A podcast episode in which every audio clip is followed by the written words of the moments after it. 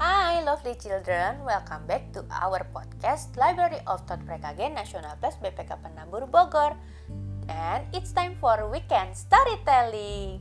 Today, Ibu Desi will tell you a story about Little Bear and Grandma. Are you ready for listen the story? Let's listen and enjoy the story.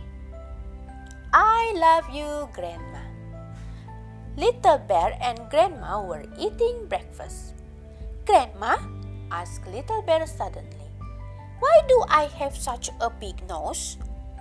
To help you find food, Grandma told him. But I just look around and I found these berries, argued Little Bear. Ah, replied Grandma. Food isn't always that easy to see. Grandma led Little Bear down to the river. Can you see anything to eat? She asked. Little Bear shook his head. Can you smell anything? Grandma added. Food, answered Little Bear. Then use your nose to find it, Grandma told him. Little Bear followed his nose to some stones on the river bank. He turned one over. A fish! He laughed. Yummy! Dinner! smiled Grandma. Well done, Little Bear. I love you, Grandma, Little Bear whispered in her ear. Grandma, asked Little Bear suddenly, why do I have such sharp claws? To help you find food, came the reply. But you told me I have my nose for that, said Little Bear surprised.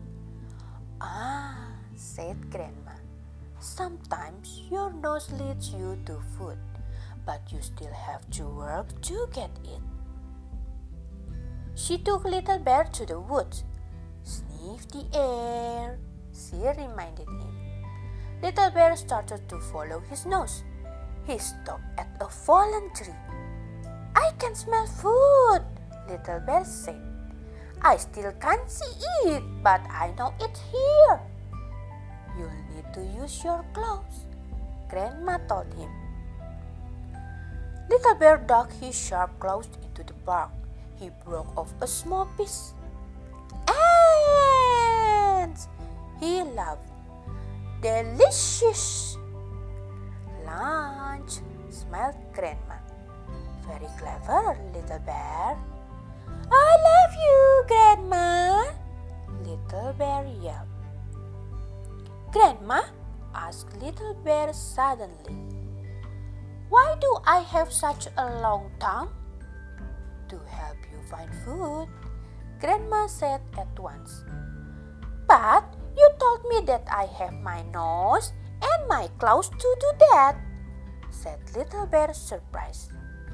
Sometimes the best food is hard to reach, Grandma told him. She took Little Bear to a clearing. Smell the air, Grandma said. Little Bear sniffed hard. He lifted his nose. Food! He told Grandma. A huge bee's nest hung from a branch above him. To do, laughed Little Bear. Look at me, he called. He hooked the nest with his sharp claws, lifted it down, and opened it up. Honey! He smiled. Mmm. Super, said Grandma.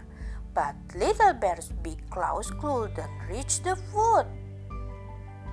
So, what are you going to do now? asked Grandma. Use my long tongue? laughed Little Bear. And that's just what he did. Brilliant little bear, laughed Grandma. How do you know so many things, Grandma? asked Little Bear suddenly. That's easy, Grandma smiled. When I was small, I was curious, just like you. She said, You ask so many questions. You'll soon know lots of things too. And see you, little bear type. Do you know I love you, Grandma? asked Little Bear. I do, answered Grandma. She stroked Little Bear's sticky head. And know I love you too, she said. The end. Thank you for listening the story.